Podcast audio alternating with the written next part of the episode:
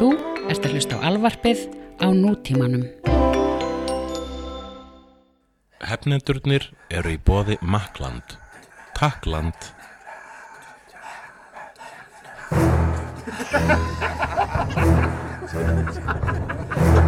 Hérna,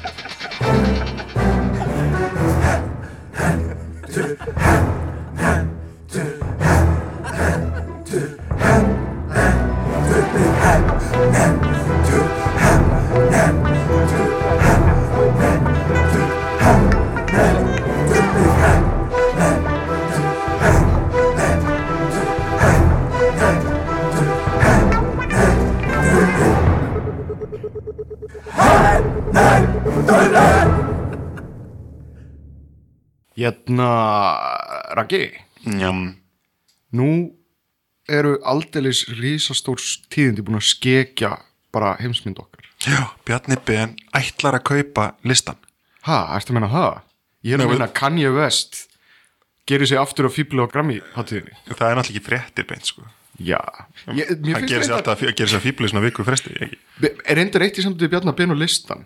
Akkur er ekki búið að gera svona Karolínafund Kickstarter kampæn til þess að bara einfallega ná í peningin? Nákvæmlega Ég held að, ég held að bara að það væri jafnvel betra ef þetta væri í höndunum á bara venjulegu fólki í staðin fyrir ykkur, ykkur ríkisaparati. Já, óvenjulegu fólki eins og Bjarni Ben Hva, hvað er þetta mikið peningur? 150 miljónir?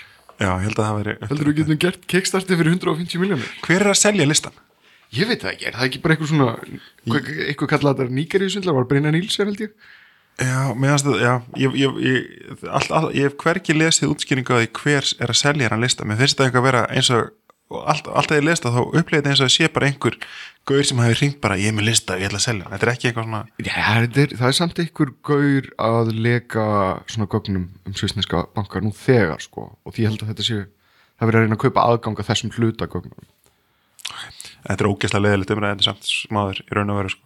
Já. Þú ætlar að segja eitthvað. Kann ég? Kann ég. Why, why be hating? Akkur, akkur er fólk svona hatast út í kann ég? En þess að hann alltaf sagði mjög heimska hluti. Sérstaklega, þetta er alltaf, þetta er örugglega svona mest ignorant hluti sem, að- sem að manneski hefur sagt í síðustu viku af mam örgum sko, eða, í- eða já, í síðustu viku þegar hann, þegar hann sagði back, hann hefði ætti að respect Beyoncé's artistry mm.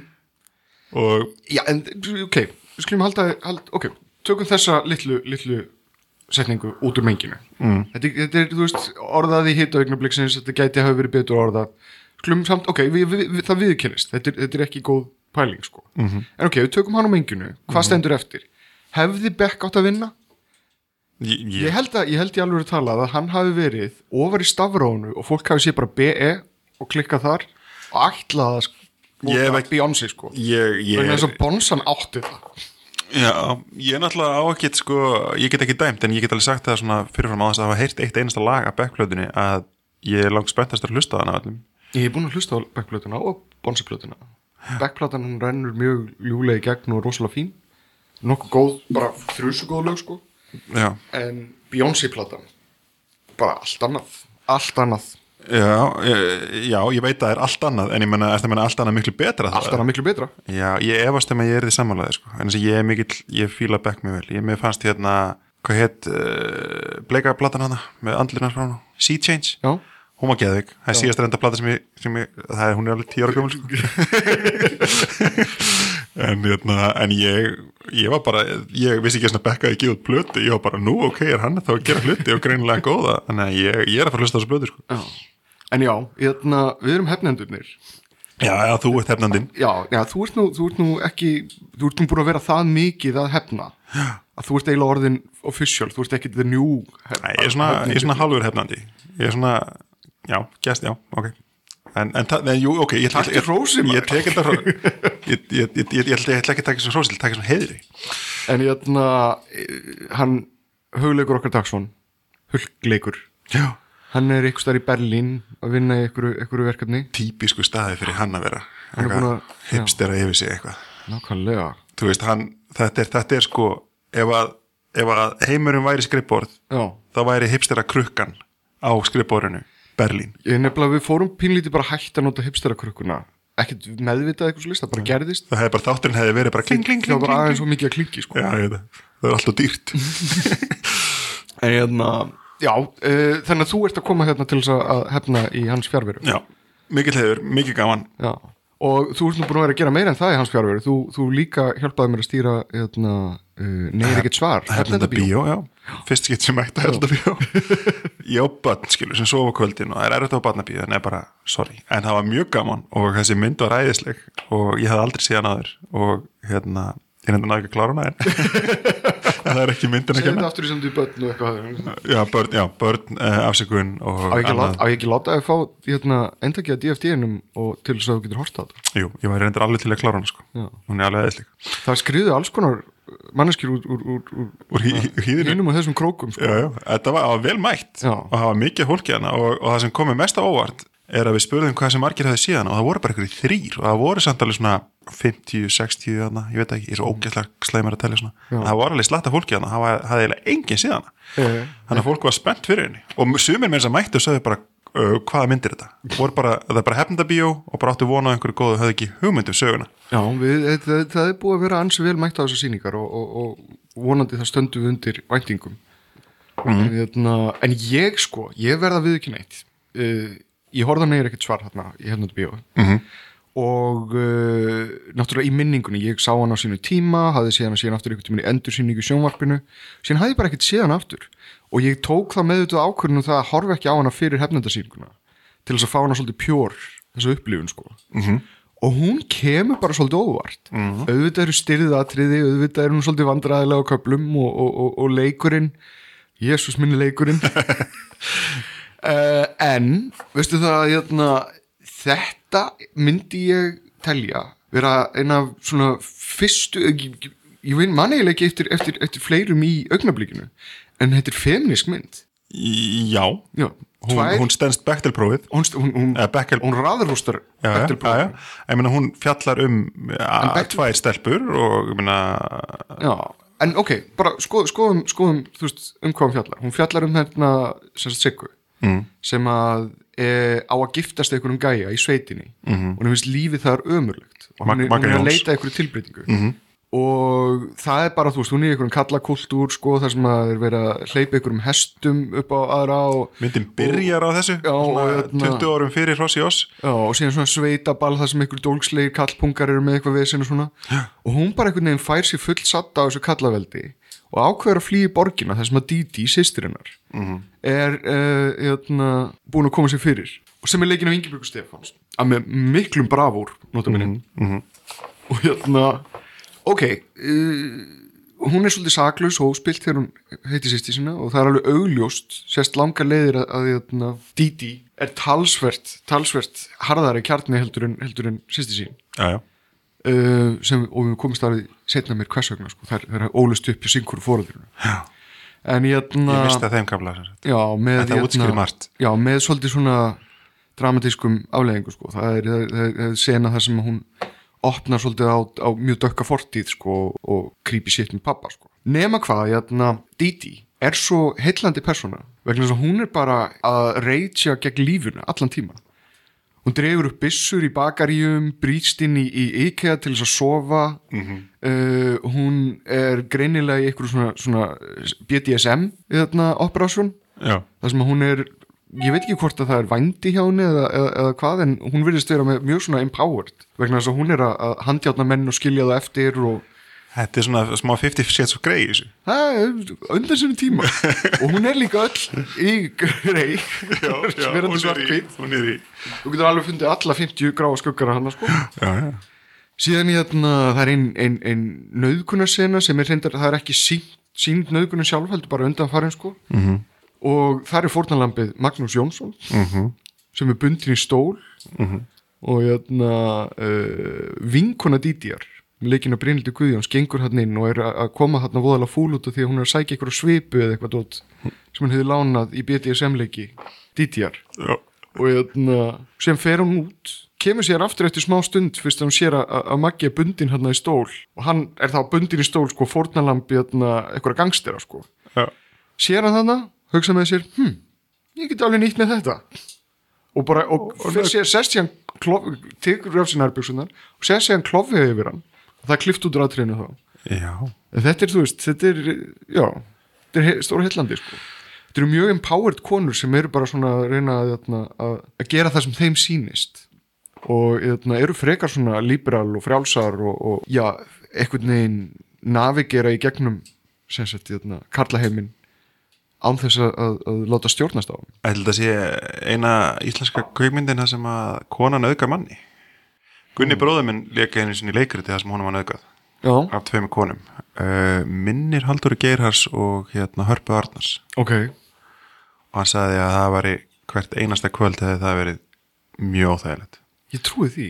Og það var alveg hérna, já, að, að, að, hann, hann, hann hristi aldrei ónóta tilfinninguna af sér sko, þannig að þetta var ég meina, skiljanlega, ég meina það er ekkit gaman að Ok, that went dark. Já, já ég bara, fyrst, mér finnst bara við ættum að, að tala um einhverja nöðganir, skilur, að við þurfum bara aðeins að, að taka hérna, Já. benda á. lent, sko, þeir reyndar þessi mitt viðsnúningur á, á hlutverkum. Við lentum í smá svona uh, já, aðtöðasendum út af atriði þar sem að Ólafur Ragnar lendir í guggu í dagvaktinni. Mm, og þar sem að hún svona nokkurn veginn heldur hún sem kynlífstræli mm, já, svona eiginlega nöðgarunum já. Og jæna hvað segir alltaf, Hún fær- að fá okkur gott Já. í kroppin ekki, Jú, hún fær, hún fær alltaf sínum vilja framgengt og hann er sko, hann er svo leiðitamur.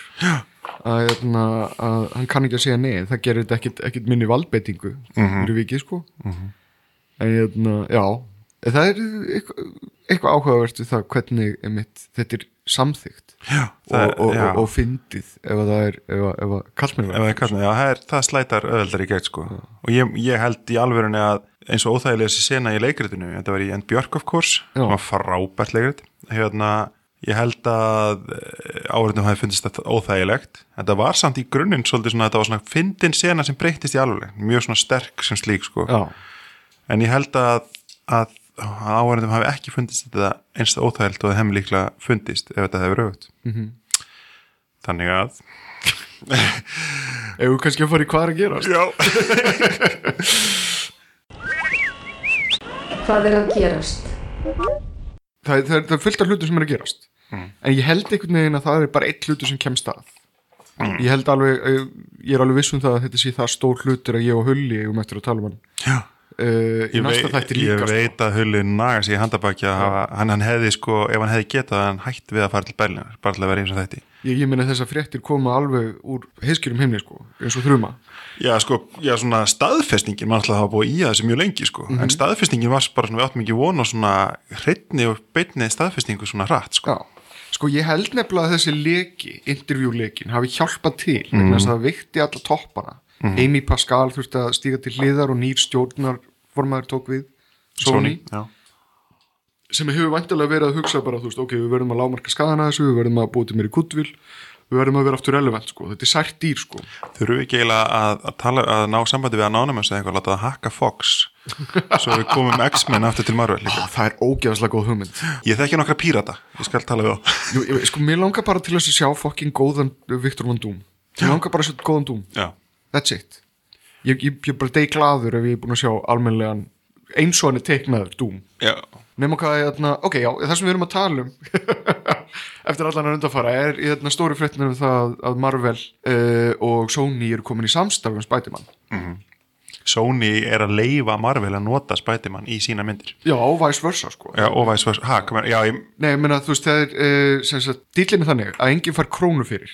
Uh, en Kevin Feige fær síðan yfir til Sony og supervisor production í ásand Amy Pascal á nýri mynd. já, ok þannig að hann er, þeir eru að gefa eitthvað smá móti sko. mm. með öðrum orðum þá er Marvel núna farin að- hérna, verkstýra hvernig Spiderman er Þetta er svona minnir á setur svona. Pixar Disney eitthvað, dæmi, John Lasseter komin yfir til Disney að stýra blessaðu, veistu, þetta er bara tímaspörsmál ég heiti fyrsta skrefið áður en að Disney kaupir Sony Já, eins og allt annað. Það er fínt, eh, það myndi örgulega bjarga Sony. Disney hefur bjargað, þú veist, eins, eins, eins ræðilegt og, og maður held, þú veist, þegar Disney kefti allt svona, að þá hefur það beiglega gert alla hluti betri. Spiderman er komin í Marvel heiminn sem þýðir það að við sjáum sem sagt, það er búið að hlýðra til nokkur myndum. Uh, En það verður ekki sami Spiderman í Marvel heiminum og Sony. Þetta verður allt annar Spiderman eða ekki? Nei, þetta verður sami Spiderman. Verður þetta sami leikari? Nákvæmlega sami Ok, leikari. ok. Þetta verður sami Spiderman það verður synga milli Spiderman myndina það er verið að tengja þetta alveg beint þannig. Ok, ok, ok. Spiderman myndirna sem að Sony framleiðir verða með hinnum ein og sanna Spiderman sem er hluti af Marvel Universe. En það verður nýr Spiderman, það verður ekki Andri Garfield. Það stefnir allt í það. Og veistu að þeir eru ég, eins góður á Andrew Garfield var. Mér finnst hann til dæmis miklu betri en Toby. Sammála, að þá hérna uh, er svolítið bara fínt að hann skildi fara vegna þess að þeir ætla að gera það sem að mér finnst þeir ætti að gera þeir ætti að gera alveg strax í byrjun mm. -hmm. eru í bútið, þeir eru að gera hann aftur high school. Eru hann aftur ungan. Þetta, hann, hann, hann, hann Andrew Garfield eins og unglegur hann er er 31 ás komur svolítið svona yfir, yfir þeir, þeir ætla að gera það, það er alveg víst. Já, ok, það, en, þeir eru núna að kasta sko. En því það, sko, en að, sko, það var sagt að hann er fyrst kynntur í einhverju framtíðar uh, Marvel mynd og þannig að fyrsta sem hann hugsaði um var Captain America Civil War. Já. En, en High School Spider-Man passar ekki inn í þásögu um, eða hvað? Já, ég það er náttúrulega ungan, svona established Spider-Man þannig að sjokkið við þá sögu er það að hann tekur allir grímuna. Ég efa það stórlega að þið fari aðra origin story. Já, ég held, bara, stað, ég held bara að það sé komið nóg aðeim sko. já, heimurinn þarf það ekki það er búin að sjá hann nógu oft nýlega. Og mér minnir ég, ég- ekki hafa það alveg eftir mér en, mér minnir að ég hafi séðan Kevin Feige eitthvað tíma tala um það að þeim langi til þess að fara meira inn í sögur þar sem það eru Já. hætta þessum origin sögur það er sko mér finnst ofurhutti sögur sko, eins og svona uh, ofurhutti seríur mér finnst það alltaf bestar sko, af, þú veist, Batman X-Men uh, líklega Spiderman eiginlega allt þetta sko, mér finnst alltaf aðra myndina bestar út af því að þá, þá er ég búin að koma þessum origin sögum frá sér og það þekkir þessa sögur. Þannig að það er önnur sagan er nýja ævintýri sko. Já, og ég, mér fannst skilur já, mér fannst það gilda algjörlega með Batman og sérstaklega X-Men. Mér fannst X-Men 2 betri vegna þess að það þurfti ekki að bara þau gæti bara að byrja á sögunni strax Mhm. þurfti ekki að kynna allt. En þannig að það er allan mín Já. en ok, þetta En er verst ég myndi þú veist í Civil War ef við skoðum orginal Civil War söguna þá spilaði Spiderman um, en það er náttúrulega eh, er náttúrulega eitt stósta þetta momenti er það að hann er búin að vera spætumann lengi og er frægur og hann heldur blaðamann að fundi ekki satt og tekur þessu grímuna. Já. það er eitt stóra bombi Já. en ef við förum aftur í high school spætumann þá er það svolítið, þú veist, þá getur hann ekki hafa verið spætumann lengi og það sé eitthvað sjokka Hæskóli er eitthvað þrjú fjögur ára það ekki? Ok, og þrjú fjögur á Það er alveg shitlót sem gerist á einu ok. ári hjá Spiderman sko. Ok, ok, Það er bara í hverju mánuði þá er eitthvað stórt að gerast. Ég er bara on board þetta er bara aðeinslegt, mér hlakkar náttúrulega geðveitt til að sjá þetta. Uh, Það sem að ég hvað spenntastu fyrir er möguleikin af því að, að þeir kannski fari í hérna litaðan Spiderman Miles Morales. Já, sem ég, ég þekki það ekki neitt, ég vissi ekki að það hafi verið svo litað spætumann en Þegar, ég sá einhvern tímann einhvern kommenta á, á, á, á einmitt þetta að hann þakkaði Spiderman fyrir að ver, velja búning sem að hýlur hann allan. Já. þannig að, hérna, að allir geta ímyndið sér að séu Spiderman Já, það er góða punktur það er ekki hvítur kallmaður það er, veist, það er, það er, það er hérna, Rauður kallmaður og blár það er, það er, það er, það er, það er full klættur og, byrju, og já, ég sé að það er einhver svona internetbylgja að agitera fyrir því að Daniel Glover Donald. Donald Glover heitir hann víst. Hérna sé einhver kandidat en það er kannski bara einhver óskækja einhverja ég held að hann sé komin svolítið yfir þann tíma sko. þetta var sko orginalið fyrir hérna, Amazing Spiderman áður en Já, að Garfield var, var ráðinn. Okay. þá var, eitthvað, þá var verið að pimpa þá hugmynd sko. en sko þetta það, það kemur margt meira óvart en ef þið myndi gera þetta. En þess að ég er mjög ánaði með Marvel eru búin að vera mjög duglegir í að sportna gegnum hlutum, bæði þú veist að, að pumpa upp hvenna hérna presence Já. í sínum þáttum og myndum og núna í myndasögum og veist þeir eru búin að vera duglegir í að, að, að fara gegn norminu. Now hold on there buddy. Ok, ok, vegna þess að það er ein, ein leiðindi við þessi, þessi Spiderman. Ok. Hérna, það hlauta Þessi- að vera. þetta uppreist, sko. hvað er að gerast?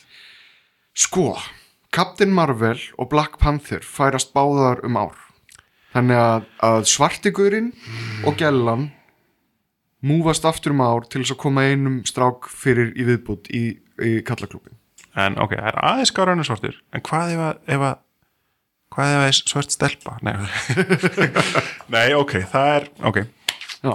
en þú veist uh, en aftur um móti þá stendur Infinity War dagsetningin ennþá sko. Mm. þannig að hérna, þótt að það hafi verið svona einhver, svona til, einhver tilfæslur á öðrum stöðu sko ja. þá hérna, já.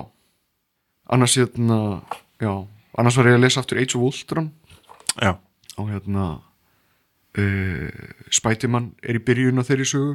Já, og hérna hann, hann spilar ekki stóra röllur endar í, í restinu söguna, það er nú aðalega hérna, Sue Storm og, og, Wolverine. Age of Ultron er Avengers saga úr Marvel heiminum Já. og sem hún heitir það sama og næsta Avengers mynd en er samt í lasins þegar það væri ekki verið að fylgja þeim sögutræði. Ég held að, að, að það sé bara frekar erfitt sko. Já. en hérna en hérna, fyrst að ég var að nefna Wolverine já, hérna, Hugh Jackman fekk fréttirnar einhvern veginn í bytni sko. það var verið að taka viðtal við hann út á Chappie. Já, og þá var hann spurður hérna, þú veist, ertu búin að heyra fréttirnar að því að Spiderman sé að fara uh, yfir í Marvel heiminu svona? Og hann svona ljómaði allir eitthvað tíma bara, þú veist, þetta er akkurat það sem við höfum dreym um.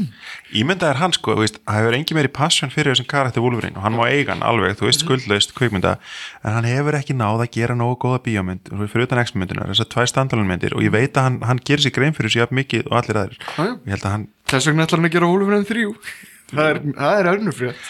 En, en, en, en er hægt að taka smá segway fyrst erum við að tala um Chappie yfir í, yfir í hitt sem veist áhugavert að hvað er að gerast? Við skulum klára Wolverine ok. dæmið sko. Gott, haldur hann uh, en ég, ég, ég veit alveg hvað það er að menna og við, við erum að leiðina þangað. Ok, Ég- en ok, sem sagt hann, Hugh Jackman var mjög spenntur fyrir því tilhugsunum það hérna, að geta látið Wolverine flakka á milli -hmm.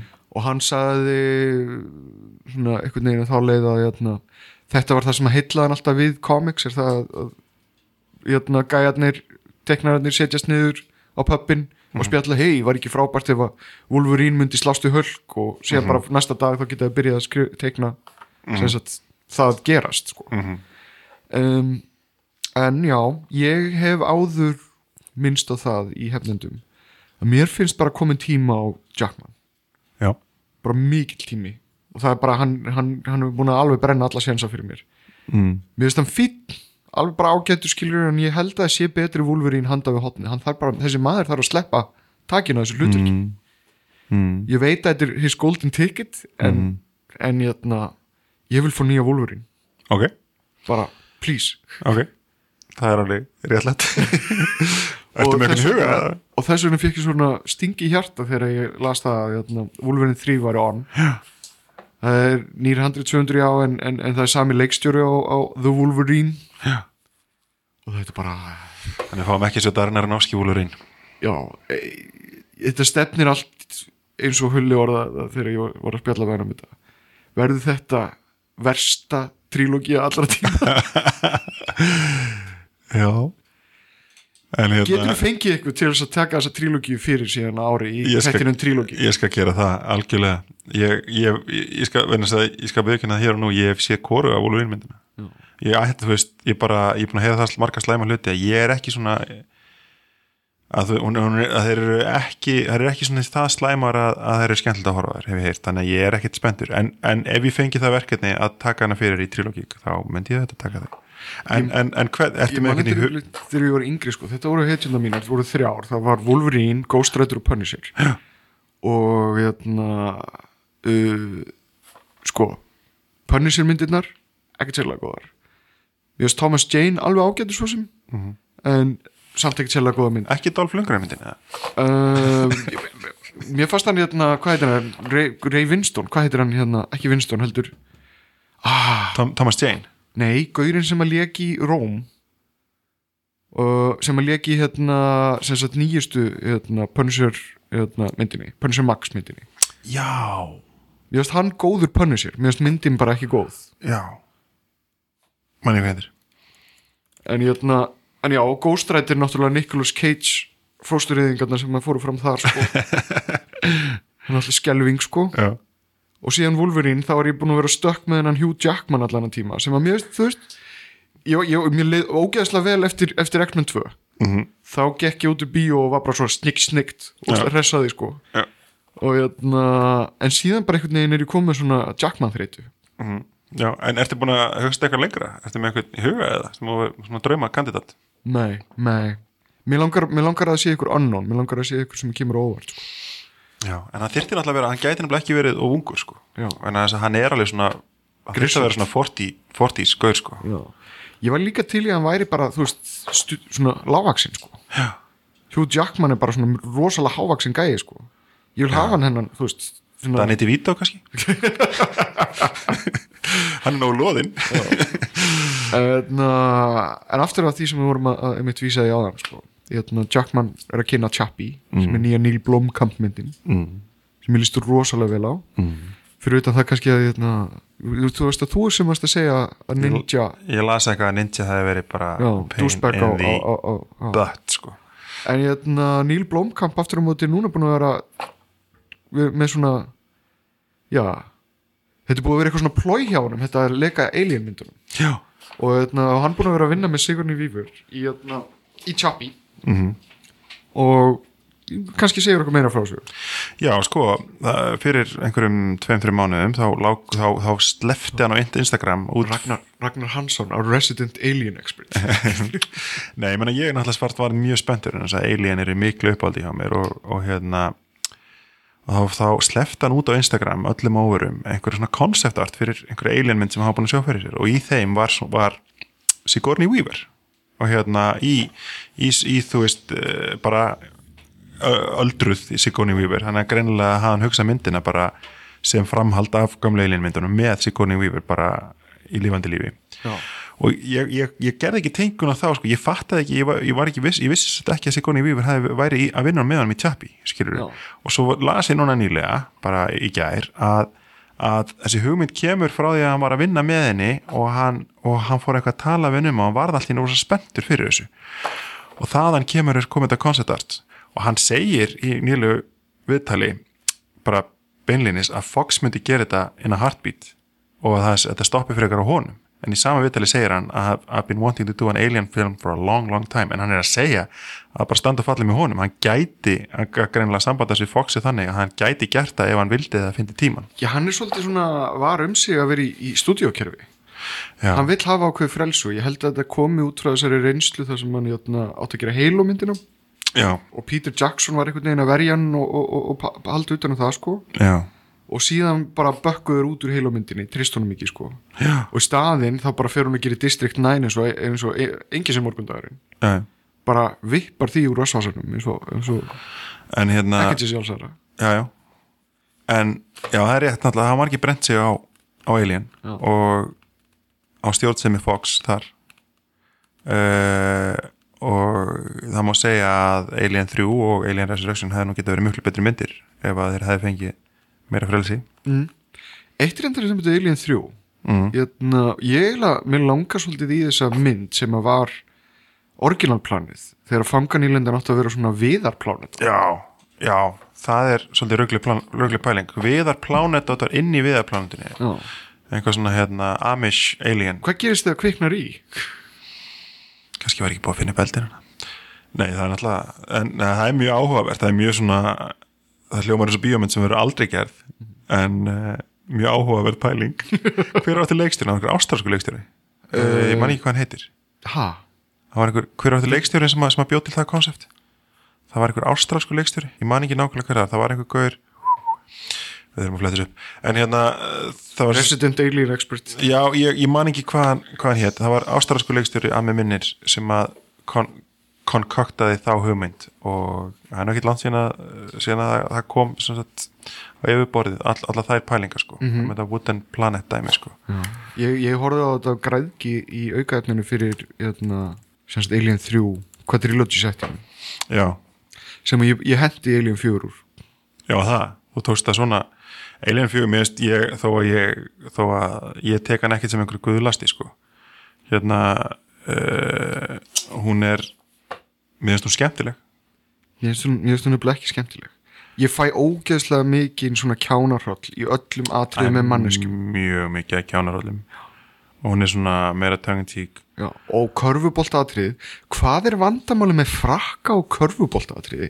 Já. vegna þess að það er bæði þetta og atriði Catwoman. og síðan í Catwoman. Besta körfbóltatri í heimi. Þetta eru tvö ótrúlega sjúklega vandræðilega hérna, Heyrðu. körfuboltaatriði. Þótt, þótt að vissulega sé Catwoman atriði stjárnfræðilega miklu Þetta er náttúrulega Catwoman var leikstýr af honum hann að Vító. Var hann ekki, hafði hann ekki unni með, hann, meir en það sko, hann var, hérna, hann var svona visual gaurinn þeirra í uh, bæði, ég held Delicatessen og City of Lost Children hann, Hann fór ekki honum- sko. hann fór ekki með honum í Alien Nei. þannig að hann ber ekki ábyrð á báðum en ságauðri mitt sko kemur og sagði hann, hann, er hérna hann er svona visual effects típan sko hann gerir hérna sem gerir hann einhverju svona 19. aldar spæjaramynd með Art Depardieu mm.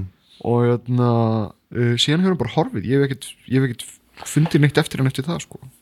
Þannig hann hafa ekki farið bara í auðlýsingar eða eitthvað? Það sem hann á heima. Já, ég, en ég sko ég, ég ignora ekki hérna Alien 4 í SZ Resurrection. Ég ignora hann ekki sko. Og mér finnst hún náttúrulega vera bastarður sko. En hún, ég hef samt geta alveg haft gaman hann sko. Það eru tveir, neða það eru þrý hlutir sem að mér þykir vænt um þarna. Það er hérna uh, geimuröðnar að drepa einu sínum eigin til þess að sleppa. Já, það er hérna geimuröðnar að synda. Já, og síðan hérna kill me kill me Þarna atriðið í, í tilhjónastofunni Já. Ó, það er ógislegt maður. Það, sko, en, en ástæðan fyrir því kannski að ég, ég, ég, mér þykir vænt um það er, er út af því að það var South Park þáttur sem að sem sagt, endur gera þetta, Táli Já, herru, ég ætla bara að viðkynna það hér með. Ég googlaði þessu og ég er ekki það mikil, mikil alien orðabóka, ég var búin að gleyma hvað maðurinn hétir Hann heitir Vincent Ward, hann var ekki frá Ástralíu hann frá Nýja Sjálandi, sem er mjög móðgandi fyrir Ástralíu að heyra mig bruglega saman. Hann gerir þess að uh, uh, indie, eða svona low budget sci-fi mynd sem heita Navigator 1988 ah, sem að vakti, klassík vakt, vakti hérna, ekki Navigators hérna gamla. Nú, Nei, nei, þetta er nýsjálensk low budget mynd sem heitir The Navigator A Medieval Odyssey. Þetta er eitthvað svona nýsjálensk mynd sem að þú veist þetta er ekki The Navigator Spielberg produkt myndin sko. En þessi maður, hann gerir setna hérna What Dreams May Come með, með hérna Robin Williams he heitnum sem að margir kalla flop. Já, ég fíla hann hér í Sáni bíó, ég ég var kannski á okkur emo tíum byrju lífinu. En hann er ennþá krediteraði fyrir story á Alien 3, en ég held að þetta fanganýlendu dæmi hafi basically verið unnið upp úr þessu, þessari, þessari tre plánutu sem hann konkoktaði hann já Vincent Ward en akkur fóru að tala um það, já þú fórst að tala um einhverja tre plánutu, já, Já. En hérna, ertu með eitthvað fleira að gerast? er ég með einhverja að gerast? Jú, það er eitt, eitt annað að gerast. Jupiter Ascending var frumsýnd í bandaríkjunum. Já, ég er búin að sjá mjög mikið að slæm dómum Já, hún var held ég líka sínd á Sundance, sem er svona akkurat rétti vettvangurum fyrir svona litla indie mynd sem kostar 200 miljónur Já, og game opera. já, Uh, hún er búin að vera í einhverjum vandræðum og þetta er Three Strikes or You're Out fyrir Wachowski sískinni sískinu. mm, sem voru nú hérna á landin daginn að taka upp Sense8. Já, spurning, já Byrjuðu þrý stræks og hvað er þetta það er, Speed Racer, Cloud Atlas og þessi. já en er þetta allt alveg floppar? Sko, já, já, þetta er allt floppar. Ertu viss? Meina- Speed Racer var ekkit Speed Racer tók inn eitthvað 40 og eitthvað miljónir í bandaríkjunum Cloud Atlas tók eitthvað 20 og eitthvað miljónir í bandaríkjunum og þessi er ekki að stefna góða tölu sko. Já, en, en, en alltaf Kláta Atlas var ekki bara bandarísk framleysla Nei, hún, hún var samt, þú veist, þau sett úr eigin vasa sko í það uh, Ok, ok. til þess að fá ákveð frelsi og Já, þá nú, þá nú reynda sko fyrst þá nefndi Sense8, gaurinn sem er að framlega þá þætti. Eh, fyrir ekki, stjórnarforma Netflix held ég. Mm. sem að jötna, náttúrulega skinjar það að það er eitthvað, það eitthvað vesen framundan fyrir, fyrir nýju flottu seríuna sem þeir eru að vinna. Já, um, hann kommenta á það að þau væru miklu snillingar. Og hann hefði séð sko fjagra klukkutíma útgáfa Cloud Atlas sem hefði verið stórfengleg. Mm. mér langar svolítið að sjá þá útgáfa mm. Og hérna Þannig, ég ætla alltaf að segja Ég, sá hann að mynd sem ég gerði og neytir The Matrix, hún var frábær. Ég ákvaði að ráðalegi hann að sjómas ég meina það, það má samt alveg spyrja skilur þú veist, eru þau það frábær? Vegna þess að sko ok, stöldur maður við. Ég meina þú veist Matrix, þau gera Bound sem er frábær. Mm. þau gera The Matrix sem er stórfengleg. Stórfengleg. Bara tímamótaverk breytir Öllu. öllu, sko í landslægi Game changer. Nema hvað hérna, Matrix uh, Reloaded og Matrix Revolutions. Góða myndir? Nei, fannst, fannst þeirra kannski pínulítið draga úr fyrstu myndinni? Nei, mér veist, mér veist aldrei veist aldrei ein mynd skemma aðra. Já. mér veist aldrei, mér veist, mér veist Matrix alveg bara standa fullkomlega. Og mér finnst endurinn bara æðislegur, Já. bara það sem hann flög hann bara, tss, einmitt, og þú veist, og það, það er ekki þurft framald Já. og mér finnst ekkit eitthvað þetta var, hann hérna mér finnst aldrei ein mynd skemma aðra sko, Mhm. ég, ég líti ekki á það þannig sko, mér finnst þessi remake aldrei skemma original mynd eða veginn en, en hún alveg, en það er alveg svona það er áttið ekki í hana sko. Já, en maður hugsar ekki endilega um The Matrix sem bara myndina eða The Matrix, heldur hugsa maður um þríleikin Matrix? Já og já og nei, ég er ekkit vissum að þú veist, ég er lettur að horfa Matrix oftar en náttíma þríleikin sko. Ég, en hérna, við erum lettur að taka hann fyrir í trílógi Ég er sko. nefnilega búin að vera einmitt að, að smá baktrakk hérna, en ég er búin að vera að kíkja mitt á uh, mynd 2 og 3 Já, ok, kannski minna, já, ég sá Og- það bara að koma út. og hérna, sama er sagt um plott og, og, og uh, heimspeki og hérna, leik og það allt saman aksjónatriðin eru bara drullu góð ógeðslega flott. Það eru frekar, frekar töff sko. Já. ok, en nú- síðan, ger, síðan gera Speed Racer Já, sem að mér finnst frábær. Við fannst það æðisleg. Mér finnst hún bara ógeðslega Mér finnst það næst besta myndið þeirra. Og ég er eiginlega á því að, að, að veist, Speed Racer sé mynd sem að ég eftir eldast rosalega vel. Mm, um, uh, og hún sagt vegna hún er svo algjörlega sinn eigin hlutur. En síðan kemur Cloud Atlas sem að fín svo sem en hún er bara voðalega, Ég ætla að við ekki hérna hér og nú, ég Þung, sko. sá hann ekki. Voðalega þung. Uh, Jupiter, Jupiter Ascending. Hún lítur út fyrir að pínu silly. Já, ég held að það sé kannski eirun á Channing Tatum já, hann er Sem- svona álværu einhver. sem að pínu skemmir og hann er einhverju svona wife beater, einhverju, og sko ok, það sem, að, það sem að ég lesið í sambandi við hvernig þetta gerist allt saman sem þetta Jupiter Ascending er það hérna, að þau, þau fá óþægilega frítt spjald. Manneskjan sem að setur þetta stað hjá Fox yfirgefur síðan pleysið eftir að hafa grínlöta þetta. Já, þannig að, hérna, að uh, þau höfðu bara ekki neina ábyrgð, þau bara þurfti ekki að svara neinum með, með það hvernig þetta að vera sko. þannig að, og, mér finnst, ég hef svolítið þá tilfinningu gagvart þessa myndi, það er eins og það hefði hent öllu í þetta. Það sem er flott við The Matrix er restrictið já, er uh, að gera allt þetta cool dót en innan í þessum þrönga ramma sko. já, kannski. Það var einhver, já, ég meina það var einhvað sko, það er einhver einhvers konar desperation og hjá þeim sem hjálpa þeim en þess að þau eru svo mikið að sanna sig sko. Og kannski er það það að þeim- þeim finnst sig, finnst þau vera búin að löngu búin að sanna sig sem er að fokka upp hjá þeim sko. Það er kannski, le- kannski vantar hömlunar sko. Kannski er þetta, þú veist bara George Lucas þegar hann þurfti að sanna sig og George Lucas þegar hann búin að sanna sig, hann alltaf bara skeiti brækunar eftir hann búin að sanna sig, þannig að það var ómikið að jáfólki kringur sig. Er Jupiter Ascending þeirra Howard the Duck? Ég veit ekki, ég hef ekki séð hann. Já, þess að Jupiter Ascending en ég, na, nei, það er margir sem að tala vel um hann reynda líka. Það var eitthvað, ég las eitthvað, það var eitthvað grein sem var eitthvað svona, ég las fyrirsögnin á grein Já. sem var eitthvað svona, why Jupiter Ascending is, is important for us. og, ég hef einhvern veginn þá tilfinning fyrir ekki, nei, ég, ég las bara fyrirsögnina ég fór ekki lengur ekki Nei, en ég bara svona, hmm, áhugavert en ég hef ekki tíma til að lesa núna. Ég hef þá tilfinningunni að, hérna, að ég eftir að sjá hana og ég eftir að gangi gegnum svipaða reynslu og með John Carter. Já, uh, þú varst að segja mig það um daginn og þú horfir hann aftur. Já, hún er hún fókslega skemmtileg. Já, og bara fín, fínasta þarf að sjá hann aftur sko. ég skil bara ekki alveg nákvæmlega hvað sögna hún gekk ekki fólk það, Ég skil það mjög vel reyndar. það er stóra spurningin er hvað, sagt, hvað þýðir þetta um uh, original sci-fi?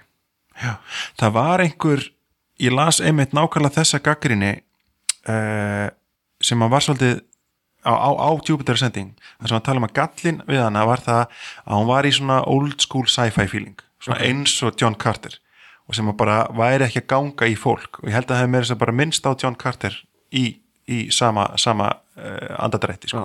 John Carter er náttúrulega kannski ekki original Þetta sci-fi er, gert, séð þetta er gert svona í svona nostalgíu höfendana svona, þetta er einhver svona þeir sem þeir ólust upp með Já. einhver svona, þú veist svona gamaldags sci-fi, sko, pæling sem er einhvern veginn, og sem að John Carter pínu er, sko, veist, það er svona maður setur á sig svona svolítið, svolítið uh, sett svona svolítið svona fílingurinn á hann er svona gamaldags sci-fi Já, sem það er, þetta er náttúrulega, þú veist, eldgamall eldgömul sci-fi saga, sko, hún er frá hvað aldamótunum eða eitthvað, 1900 eða eitthvað. Hvenar, Edgar Rice Burroughs, höfundu Tarsan skrifaði Já, hvenær er hann að gera þetta? Gerir hann ekki snemma bara á 2000-öldinni? Jú, Ég mjög- ég, er ekki með, með ártala á þetta sko. Þetta er alveg bara svona, þú veist, já. Og það er svona, þú veist já, þetta er, einmitt John Carter kemur fyrir í líka við Extraordinary Gentleman já, uh, Númer 2 e, já. Það, hún byrjar á Mars. Ok, En hérna, já Við þurfum reyndar að- kynna nýjan daskarali núna. Mm, Sko, við njótum þess að eiga verndara. Mm, svona patrón mm. svona, svona list unni benefaktor. Já, sem að, jötna, sem að halda hlífiskildi yfir okkur og passa upp á okkur og, og, og, og hjálpa okkur að, að jötna, koma þessum þáttum út til ykkar. Og það er jötna, indislega fyrirtækið Makland, mm. en indislega búð. Mm, sem að er alltaf svo heimileg og góð þegar maður mætir þarna. Mm, uh, þú náttúrulega þekkir að einn reynslu það ekki að- mæti í Makland og, og, og, og bara fá alltaf jú þetta er mjög, ég er erfitt að segja svona. Ma- maður meinar þetta en á sama tíma þá líður mann eins og maður sé einhvern veginn að, að Já, ég meina uh, þú ert það heppin að þú ert að selja þú ert að auglýsa pródúkt sem að þú í alvörunni ert ánægð með, skilur Já. ég myndi að þú væri að segja að þú væri ekki að meina þetta skilur eins og þú væri bara, ég ætla ekki að segja eitthvað vöru, ég ætla ekki að fara að auglýsa eitthvað frýtt hérna. En hérna, en ég myndi að þú væri að segja þetta um einhverja búð sem þú hefðir aldrei komið inn í og myndir ekki verslaði en bara hún, að bara hún ákvaða að styrkja ykkur og væri, og þá myndir ekki segja þetta svona. Þannig að þú veist ekki skamast þín fyrir tilfinningar sem eru sannar ævar. Þannig að, nei, maklandi frábær búð. Ég er einmitt akkurat að, að, jötna, spara mig fyrir jötna, nýjum iPad mm. sem ég ætla að kaupa í, í Makland ætlar að fá þér hana uh, iPad Pro pælinguna sem er að koma, hana stóra sem að ég, ég, ég veit ekki alveg hvort að, að, að það sé málið fyrir mig sko. ég er mjög spennt fyrir því sko. Mér vantar nefnilega svona þægilega lestölvu uh, með 4G já, sem að jötna, ég, er, ég er að stefna á iPad mini með svona réttina skjá já, það er mjög þægilegt. Kona mín á, á svona iPad mini sem ég fæst um til lána en mér finnst eitthvað spennandi, ég, ég, ég hef ekkert skoðað þetta en ég hef heyrt bara bróðið minn er, er sagt, enn meiri makkamæður en ég. Og hérna, hann hefur að segja mér að, að það væri núna bara líklega í lók þessa mánuðar með Apple Watch kynningunni. Já. væri að fara, fara að tala um hérna líklega að það væri sagt næsta væri iPad Pro sem er svona 13 tommið iPad minni mig. Hmm. með stórum skjá og mér finnst það spennandi. Og miklu miklu öfluri sko. Bara, mér finnst það spennandi sko Já, en herðu, við ætlum að kynna þennan nýja dagskrálið Já. sem að sem eru auðlýsingar eins og, eins og við séum ekki búin að vera eða síðustu mínútur í auðlýsingar sem að er hérna dagskráliðurinn auglýsingar Gjörðu svo vel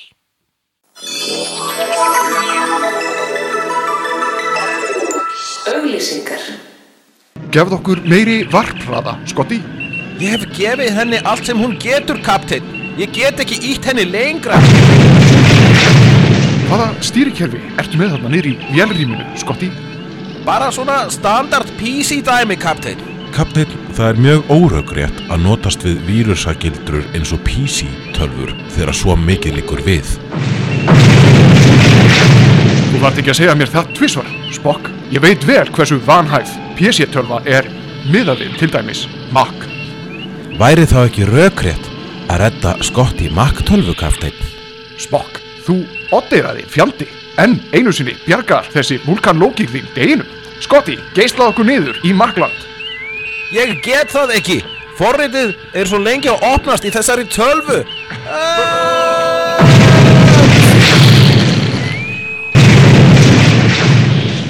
Komdu í Makland.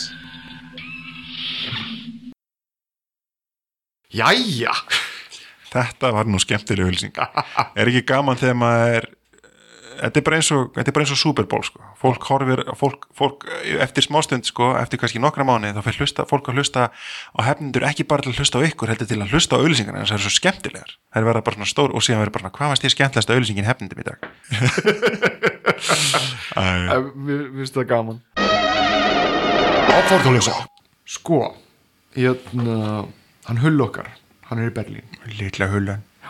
Og hérna uh, hann uh, sem sagt sendi bréf og uh, mér langar eiginlega bara til þess að lesa þetta bréf upp átt sko. Og hérna Er þetta svona eins og yngur hafna að, að skæpa frá Florida ég, veit- ég, veit ekki. Mér, mér svona virðist á öllu að þetta sé svolítið, ánguvart Já, ok. En ég, held að hann komi inn á flest mál sem við höfum nú þegar rætt sko.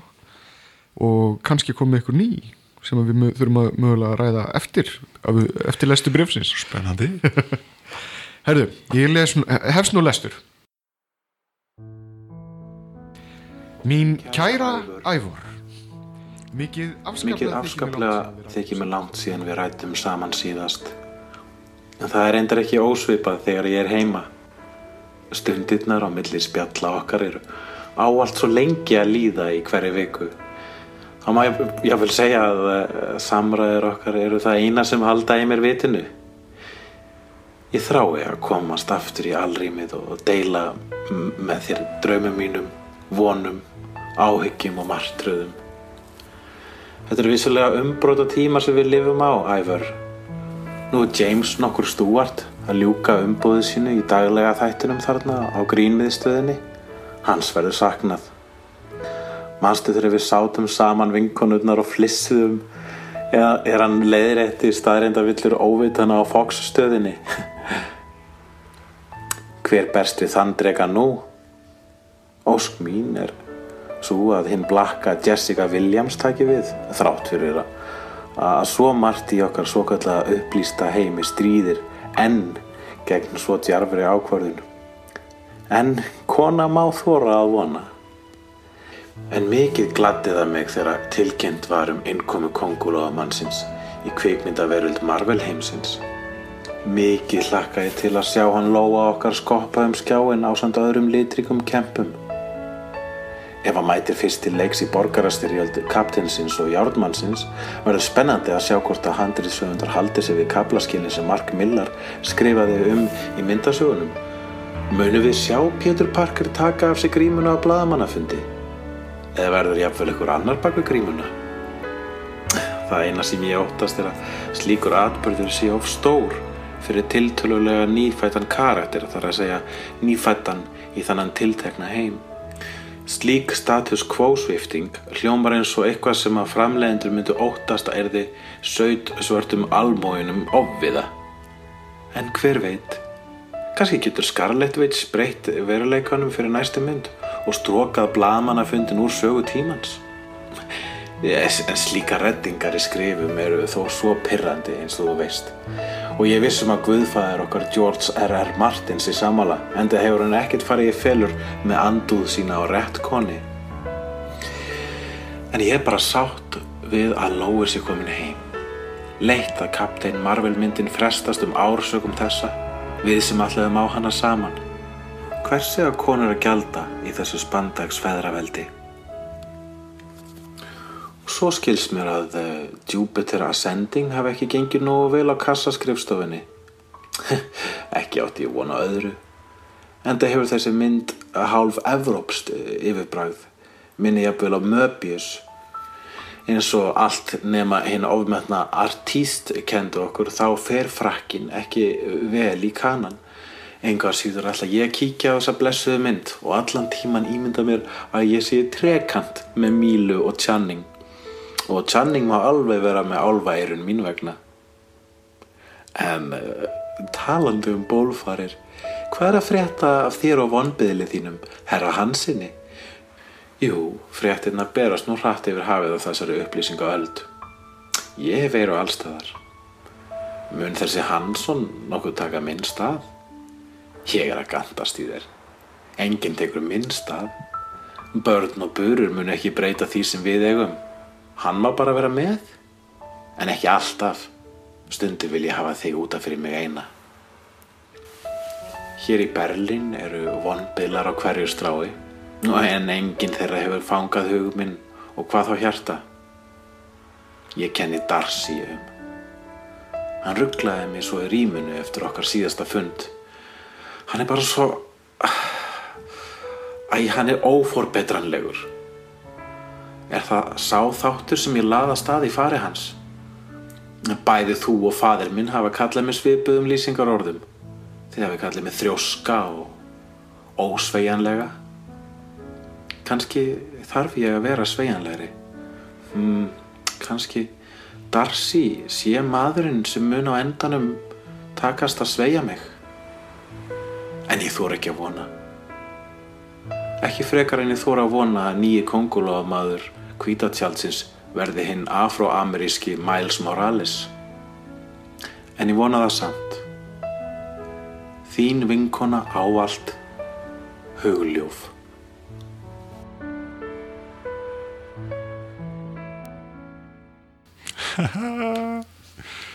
Já, Þetta var nú fallið bref já, mjög fallið bref Hann er greinilega fastur í, í hérna, ástarþættinum ykkar í síðustu viku. Já, ég, hann nefnilega, það, það, það er grund á hann að hugljófi í einum hugliki Þetta er þáttur nú 49 eða ekki? Jú, það í núna. það eru þrýr þættir í í, í, í 50 annað þátt. Árs, árs ammali hennenda er framöndan Já, en uh, líka bara 50, þáttur 50 næsti þáttur, það er bara mjög fallið tala. Já. Allir allir ekki að gera eitthvað spes á Við ætlum að reyna að finna upp á einhverju sniðu, auðvitað. Við, við, við, reynum að halda í þá venju að vera skemmtilegir. Já, við, við, rey, við reynum. Við reynum. Hérna, en, hann- en við töluðum ekki um John Stewart. Já, það er nefnilega það sem mér langaði svolítið til þess að ræðum í með okkar augum. Með okkar augum. John Stewart er að fara úr The Daily Show. Og það er alveg rosalegar harmafregnir mm.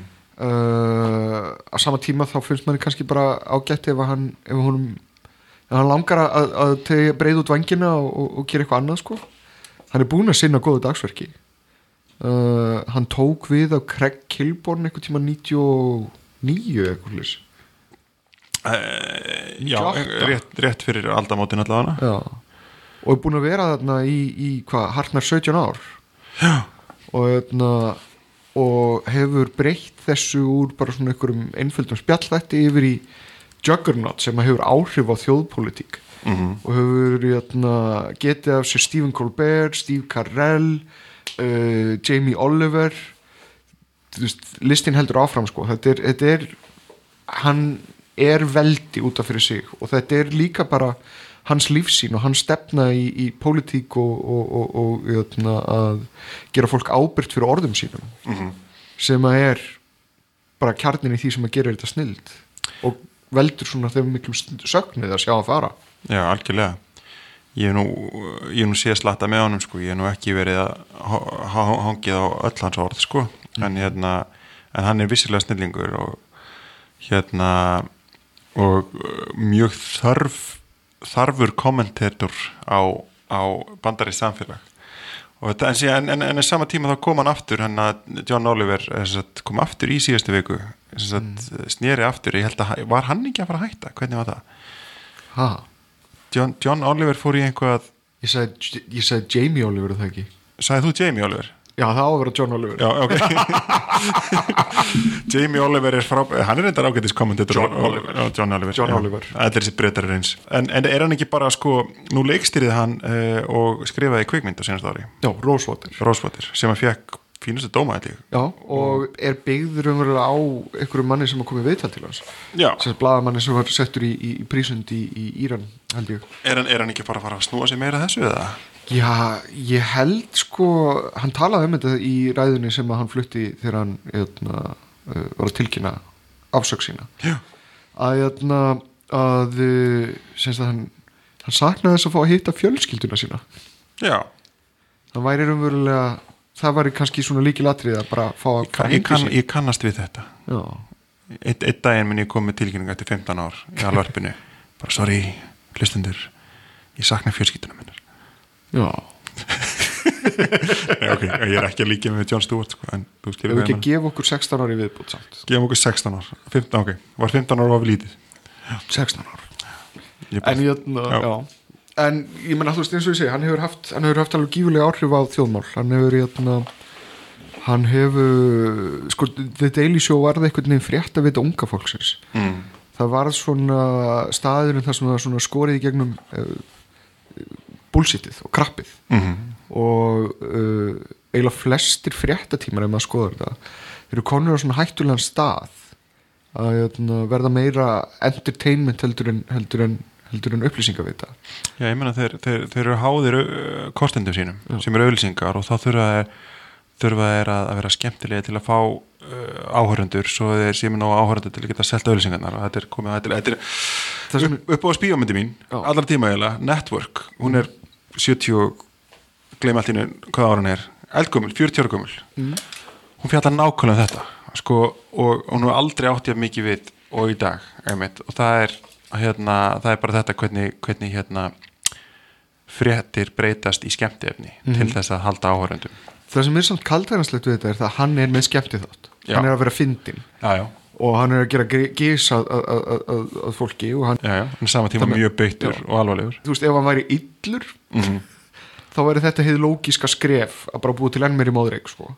Já, ég meina að þú veist það er alveg til, hann er bara eins og John O'Reilly hann er bara, hann er bara flipsætið af honum eða eitthvað skilur er það Eh, Bill O'Reilly. Bill O'Reilly fyrir ekki. Eðna, Bill O- John, Bill John James Bill. Olivier. Já, já. Neðna, en á himbóin þá eðna, uh, þá fór hann í aðra átt með þetta. Hann varð í staðin einhvern veginn kindilbyrði sannleikans.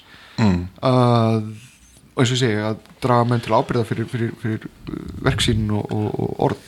Forsaga hans er, er áhugaverð sko en þess að hann var alltaf á shortlistanum að taka yfir Tonight Show og, og Letterman þegar hann ætlaði einhvern veginn að hætta og hann var alltaf einhvern veginn á kantunum hans nafn var alltaf bara alltaf á góma þegar það átt að, átt að koma hérna nýr late night chat show host. Já. og svo endaði bara á því að hann bjóst til sin eigin þátt og fór miklu miklu djarfari leið en þessi þættir hann Show að- náttúrulega hann bjó ekki til þáttin sko, hann tekur við á honum. Nú var það, ok. Það, það var, Craig Kilborn var með hennar þátt Já, í ok. þrjú ára undan, Ok. 23 ár.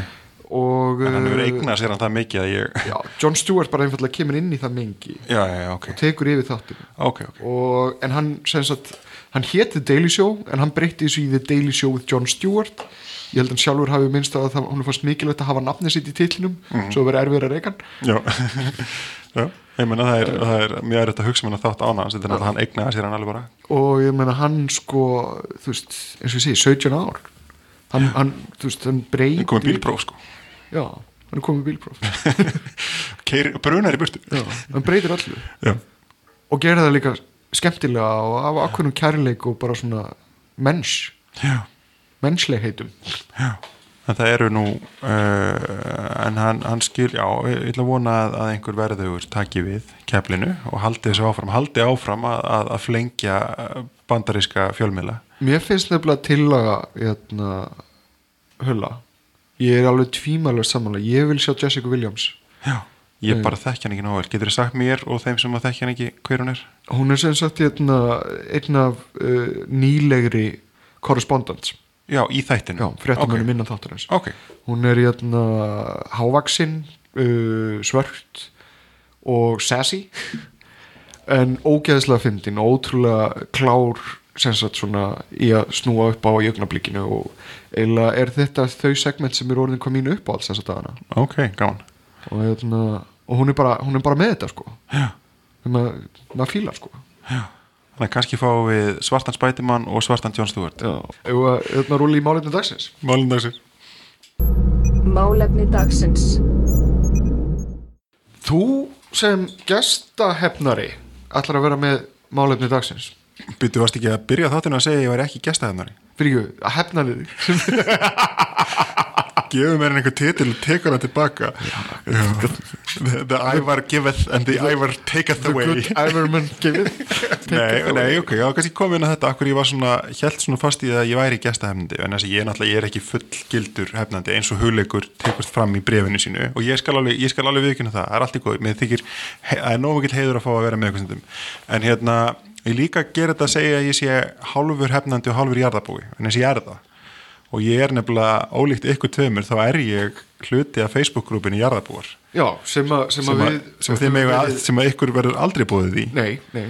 En, en, en kannski fyrir það Það, mér finnst það bara allir leið, það er bara gott að þið, það, þið jarðabúar við jarðabúar Ég reyndar, For- ég reyndar er nú líka jarðabúi svo sem. Ég- hvað meinaru þið jarðabúar þið, þið þetta fólk.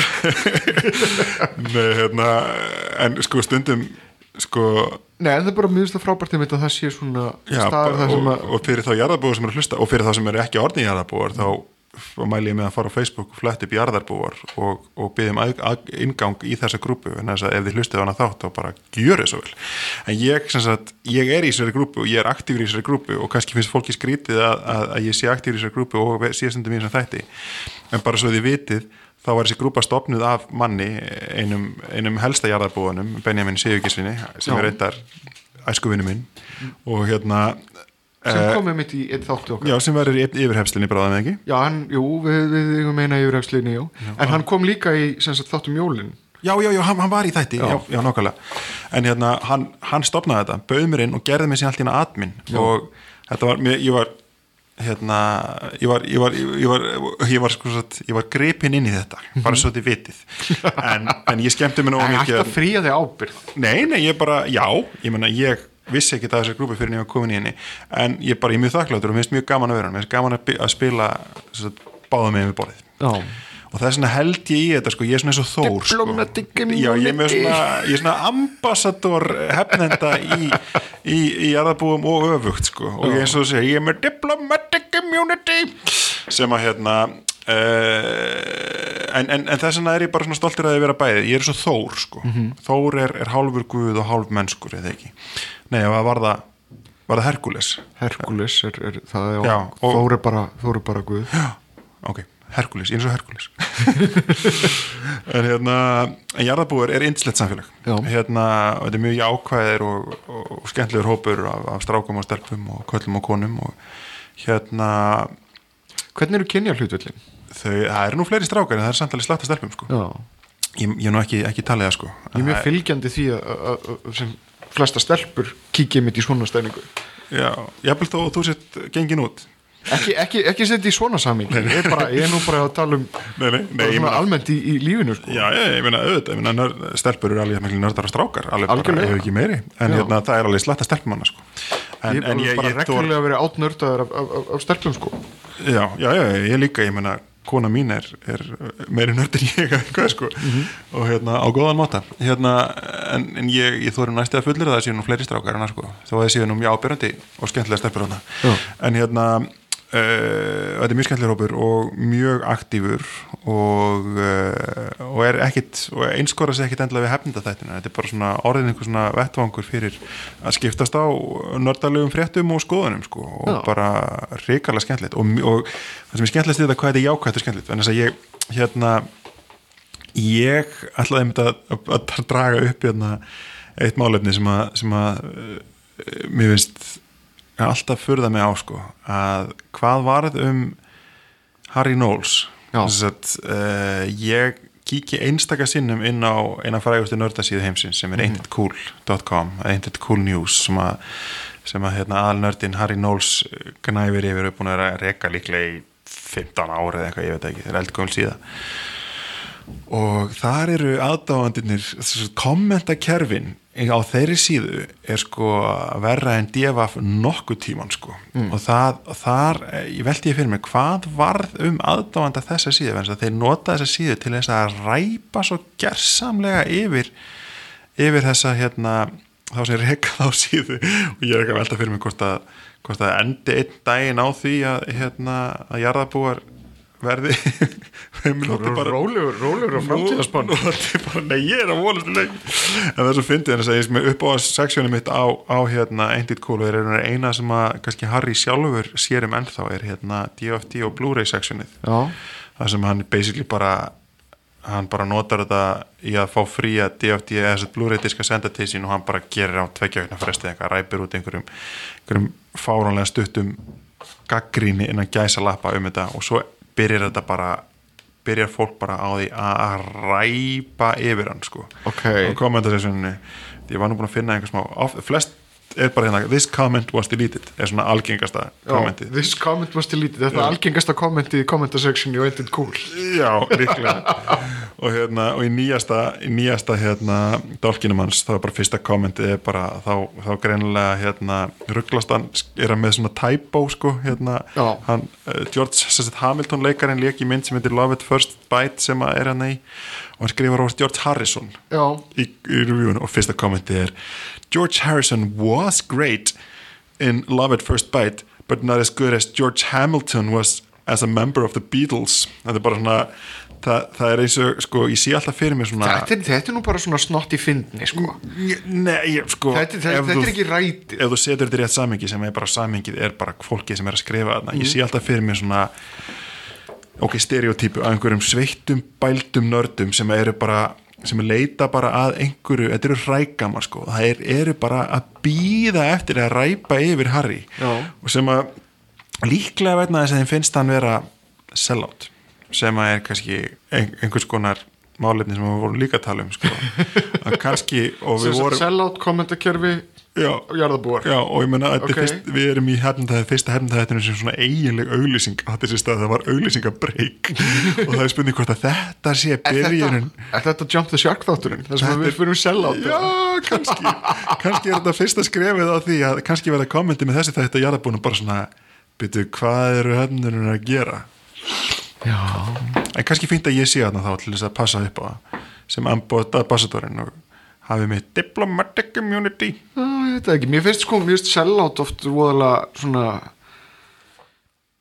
fyrirbæri sem er, sem er flykt um einhvern veginn kjánalega vegna þess að oft hva, ég meina, okkur er fólk reitt? Að, að, að, að fólk geti lifað á listinu sinni? Já, já, það, það, það, það segir engin sellátt nema þeir sem er, sem er ekki að fá borgað nógu mikið fyrir, það, ekki, það segir engin sellátt nema betra fólk, þetta er alveg eins og bara fólki sem að kallar, sem talar um listaelituna, þú veist ef þú ert í listaelituna þá er ekki til lengur. Nú stundum kannski ruglar fólk saman eðna uh, upplifun sinni við gæði þess sem kom. Já. þannig að það fær ekki þessi sterku hughrif sem það fekk fyrir fyrsta skipti sem það kynntist einhver nýju. Mm. Þegar það fer í annað verk sem er meira gert frá eitthvað meira successful eðna, uh, stað Mhm. að þá er það ekki lengur með frum upplifunina Já, og fær ekki sama stóra skamt sko. þetta er eins og, er og takin heroin einhvern veginn og, og, ekki að fá sömu áhrifin Já. second time around já, ég meina þú veist þá er, er allavega meðutundum á ég þarf kannski að taka stærri skamt eða eitthvað svona þetta hljómar eins og ég sé aðtókera fyrir heroin Já. en það, það er ekki alveg alveg hérna- hefnundin er í bóði Makland og Heroin en, hérna, en ég meina þú veist um, já eins og ég segi það er þú veist frum upplifun er alltaf sterkast upplifun. Og hún er alltaf besta upplifun. Og þú færð hann aldrei aftur. Uh, og hérna og þú veist já maður verður að taka það með í reikningi líka sko. Talandi um frumupplifun, náttúrulega nördar eru, eru flesti nördar frá blötu baspenni og ég sé alltaf fyrir mér og svona og nördar eru sko uh, og nörd, nörd, nördismi er náttúrulega bara áhugi að vera nördi bara að hafa bullandi áhuga á einhverju. Og þessi áhugi kemur oft úr barnæskunni eins og við, þú veist, elskum en þá þú veist, Spiderman og Star Wars skilur sem við kynntumst fyrst sem börn og við erum að halda í þessa tilfinningu, við, erum að, við erum að halda í barnæsku okkar, en við erum, við erum að halda í áhuga. Og sumir ná ekki að halda í þetta samhliða því að þroskast ég, held, ég held nefnilega sko líkilorðið hérna sé sinisismi skiljur, þú veist að vera, vera sinikal sko. Já, um leið og þú verður sinikal þá ert að fórna getunni til þess að upplifa eitthvað upp á nýtt. Já, nákvæmlega. Og þú ert að skemma fyrir sjálfur Mm, Nákvæmlega. Æ, ég minnst það bara svo eitthvað s- sorglegt sko. Já. hvernig, hvernig þessi aðdáðandur ég veit ekki hvernig af hverju þið farið inn á þessa síðu en þá sko, þeir eru bara, þeir eru að leita að einhverju útrás, þetta er bara svona sama og er þetta ekki bara svona bloodsport? Er þetta ekki þeim finnst gaman að- að drífa fólk niður. Þetta er svona hínuhópur Já, ég held að séu svolítið, ég held, ég held að upplýði sig, upplýði sig í einhverju svaka rétti, ég held að Já. upplýði sig sem svona John Stewart, skilur Já. að fara inn á einhverja Fox-síðu og bara svona expósa þetta fóni Mhm.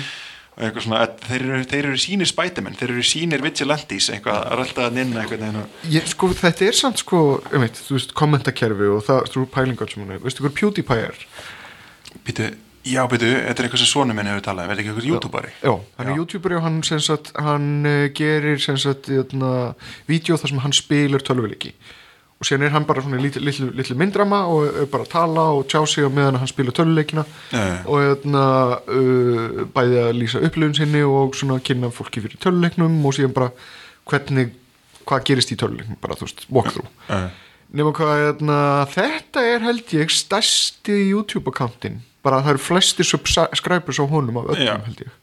Bara insane fjöldi sko. sonur minn hundrið sagði- miljóna Ég hef ekki tort að orða á það en svona minn horfður á þetta og hann, hann er mitt sagði bara, veistu hvað PewDiePie er? Ég bara, nei, veistu ekki hver PewDiePie er? Hann alltaf, hann alltaf finnst alltaf fáralegt ég veit ekki hver, hver, hver hérna einhver er sem hann tala Ef þú hefði verið að horfa á South Park þá verður up to date sko þess að hann var í, í, í síðasta síðstunni uh, síni hvað ég er í mikil tengu við sko. Nema hvað hérna uh, PewDiePie uh, gerði þetta aldrei merkilegt sko þú er náttúrulega YouTube kommentarkerfið er náttúrulega ennþá meiri róðþró Já. af ógeði og, og viðbjóði og bara mjög, mjög rasisma og mannhatri og bara, bara sorglu fólk, að leifa sér alls konar ógeð sko. og án þess að gera of miklu, mikið svona þú veist viður út af því það bara tók hann það ákvörðun uh, frekar nýverið að bara slökku kommentarkerfinu Já. Sem er bara svona þú veist þetta var heilt samfélag sko Já. hann kallar að, að, að hann kallar að sína aðdándur uh, bros Já. og hérna uh, þeir fundu sér eða þau hann kallar, hvort sem þú kallar að kona þá ertu bró Mhm. uh, þau fundu sér bara annan vettvang til þess að, að eiga í samskiptum en það var ekki hægt fyrir þau að eiga í samskiptum á kommentarkerfinu og njóta þess að vera þarna Fyrir Út einhverjum leiðindi fólki. já, út af öllum skýtnum bara fólk sem að vaknar, kveikir á YouTube skoðar hvað er vinsalist í dag og ferðangar til þess að spjúa eitri Já. trollarar Já. Trollið er helviti leiðilegt kvi- kvikindi Vil, sko það er, það er einhver hérna norskur þáttur sem að gengur út af það að, hérna, að expósa tröll. Það er norsk bíómynd sem heitir Trollhunter Það er bara að veiða tröll. Nei, ég er að tala um, að tala um Já, já, tröll. Það sem, að, það sem að það er bara, ok, þessi gaur er alltaf við að þessi gæla. Er alltaf einhvern veginn að þetta, þessa manneski í sig og, og er alltaf að tjá sig um þetta og þetta. Skulum bara flettinu upp, hvað er hún að heima heimsækja hana og fara að spyrja hana bara hreint út. Hvernig liður? Já, eh, gerði þið ekki hérna Mikael Torfason í þættinu mín skoðun sem að virkir í Mér finnst alltaf að þeir hefði mátt vera tölvöld meira confrontation, ég held að mér þér það er aðeins svo miklu Þar var, sirkjum þar var hann ekki að expósa, þar var hann bara að finna skítin og bara leiða hann að tala meira. Já, og ég held nefnilega á sumir að þessum þau bara skamma sín ekkert fyrir þetta sko. Nei, nei. Ah, var trollalala samt einhver, einhver líka einhver bresskona sem að vara emitt að svona trolla uh, og það var einhver BBC crew sem fór á heimsóttina og talaði við hana og hún framti sjálfsmárskomi síðar. Þetta Áhugavert eru líka skilur þú veist ákveðnar afleðingar Já, uh, þetta, er, þetta er hættulur heimur kommentakerfið. En ég þannig já. ef maður leifir, ef maður leifir tröllanum að dafna sko. Mér langar að koma með eitt annað ein, einu komi, þetta, þetta, þetta er svona þetta er margþætt málefnin dagsins. Já, sem kemur kannski í þessum kommentakerfi þannig að nú er búið að koma upp mikið af þessum hérna af þessum uh, atvikum þar sem að þar sem unga fólkið veit ekki hver gamli popparinn er. Eins og Super Bowl halftime show Já. þá var hérna Katy Perry og svo kom hérna uh, Paul McCartney nei, Kanye. nei, nei betur, hver, hver kom aftur með? Mikki, Nikki, hérna hún uh, Missy Elliot Já, K- K- Katy Perry var með og sem kom Missy Elliot og þá var alltaf, alltaf allir krakkarnir voru að tweeta bara hei, hver er þessi stelpa sem Katy Perry er að leifa, að spila með tónlist? Og það var frábært tæki var hana og sama hérna með, með hérna eh, þegar Kanye West og Kanye. já, og, og hérna og einmitt þegar Kanye West fór að tröfla í back og þá var með þess að krakkar og bara hver er back? Mhm. og hérna það sem finnst svo, uh, þú veist, allt gott og blessa með það en það er rosa margir sem ég þekki sem hafa bara verið bara svona hvað er málið með krakka í dag? Og sýstur okkar í Englaríki voru með tóku, tóku þetta rand sko. En sko mér finnst alveg, mér finnst bull að halda því fram að þetta sé eitthvað nýtt sko. Við vorum alveg eins. Þú veist, við vissum ekkit hverju voru poppararnir fyrir tíu árum síðan. Eina máli er að við höfum bara ekki málgagni sem interneti er til þess að viðra þessa heimsku okkar. Það er bara, bara Er þetta samt heimska? Er þetta ekki meira bara vanþekking? Heimska er vanþekking. Heimska er ignorance. Heimska er, er að Er þetta- þekk, mér þekk finnst ekki þetta út fyrir garðin sinn basically, Já, já. Það er það sem heimska er. En ég menna þá maður tólka orða á einhvern vissan hátt ég nota heimsku allan þannig að heimska kemur út frá orðinu heima sem Já. þýðir bara þú veist, þú getur ekki hugsa lengur en það sem þú þekkir sko. En ég meina, þurfaðu að vita hver Paul McCartney er? nei, nei, auðvitað ekki. Auðvitað vita það ekkit ég menna, Ég þegar ég var að, þú veist taka mín fyrstu skrif í að reyna að leita að einhverju skemmtilegur tónlist og svona þá svona hengu yfir manni einhverju rísar eins og þú veist Pink Floyd, Led Zeppelin Rolling Stones, Beatlarnir uh, Deep Purple bla bla bla, listin heldur áfram áfram sko. Og uh, ég nefndi þeim ekki. Ég bara, ég ákvað að ég, þegar ég byrjaði þú veist að fór að kaupa með plötur og svona að láta þetta bara kjört liggja. Þetta er, veist, þetta er bara lífstíðsvalskilur gorki réttni rátt, þetta er bara val. En jötna Þú ert í þeim lífstílsklúb já, It's it's a lifestyle. En, jötna, en ég meina þú veist, mér fannst þetta val. Eftir á hyggja þá er ég bara frekar sáttu ég, ég kom með þetta að þessum þessum, þessum, þessum hljómsveitum setna meir sko. Þetta er, þetta er sami kvikmyndir Þú veist, maður byrjar eitthvað að fíla kvikmyndir og þá segir einhver svona klassíkarar gamlir hangandi yfirmanni og einhver segir bara, byrjur þetta ekki búin að sjá Casa- Casablanca eða Maltese Falcon? Og kallaði kvikmyndaböf Þetta er bara sami hluturinn sko. Og ég meina mikið af þessu er bara veist, það er búið að ávarpa það í nýjum kvikmyndum, það er búið að stílfæra það að endurgera það, það er bara svona stöðnun alltaf einhvern veginn hanga í því að allt hafi verið fullkomið svona þú veist, stiftin í kristall sé bara einhver fullkonun í fjarskanum. Og maður þurfi einhvern veginn að hanga í því alltaf og, og það sé bara einu, einu viðminn mér finnst það bullshit, mér finnst það bara draga úr getun okkar til þess að, að, upplifa nýja hluti og, og, og stækka og, og gera meira töff Ungt fólk hefur alltaf verið heimst Það er bara aldrei verið meira ábyrjandi en, en í dag en þess að þau hafa allir þessi outlet sín. Twitter og Facebook og finnst þess að við höfum krossa vírum þarna eitthvað? Já, neða, ég, ég, veit, ég, ég heldur sem að tala um svissalöndin saman hlutin sko. þess að þú ert að tala um þína upplifin og ég er að, tala um, ég er að koma aftur inn á hvern, akkur ég byrjaði að tala um þetta. Ég raun að veru að, að, að sko, það er eitt er að neykslast að sko, þú ert að tala um þessar neykslun sko, að unga fólkið veit ekki neitt. Já, Skilur, ég er að tala um neykslununa á hjá eldra fólkinu, okkar kynslu sem er að neykslast á unga fólkinu, veit, veit ekki neitt. Eins og það hafi ekki verið eins sem Ég- ég er að segja sér bullshit sko. ég er samt til að kannski að ganga lengri það, ég vil meina það að unga fólkið á að hunsa reysaðalunar, á Já. að þú veist, láta þetta kjört líka og sjá hvað það getur gert nýtt, vegna þess að eitt af besta sem maður getur haft þegar maður til dæmis byrjar að gera eitthvað nýtt, byrjar að skapa eða veist, vinna í einhverju, einhverju listsköpun er þekkingarleysið þegar þú kannt ekki reglunar, þegar þú veist ekki hvað, hvað, hvað er undan þá eru meiri líkur á því að það komi einhver frumsköpun og einhver kraftur sem er áhugaverður og nýr og ferskur. Það er að vissu liti rétt, en að öðru liti þá myndu alltaf rekast á það að þú heldur og finnst fyrir eitthvað nýtt sem fattar að því að Paul McCartney gerði það skilur fyrir 20 ára síðan eða 30 ára síðan. En það, það, er, það er samt, þú veist, þetta er alltaf execution sko. ég segi bara áfram vannþekking Já, ég tek ekki alveg undir en, en þú veist en, come on, áfram heimska, áfram heimska. Þú skalt vera ambassador fyrir heimsku og ég skal vera ambassador fyrir þekkingu. Mér finnst það ágæti Verð þú slutskipti bara áfram ambassador fyrir jörðabúa Diplomatic immunity! Ógnar fjör má alltaf sjá. Í Reykjavík. Á landinu um loftin blá. Líka á sænum. Hættur og háski Látur og gáski Hefnendur Í Reykjavík Hefnendur Í ævintýrum lendast best. Hefnendur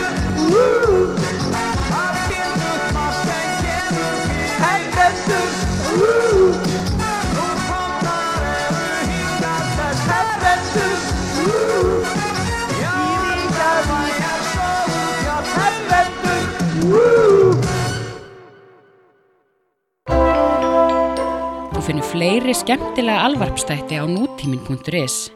Takk fyrir að hlusta.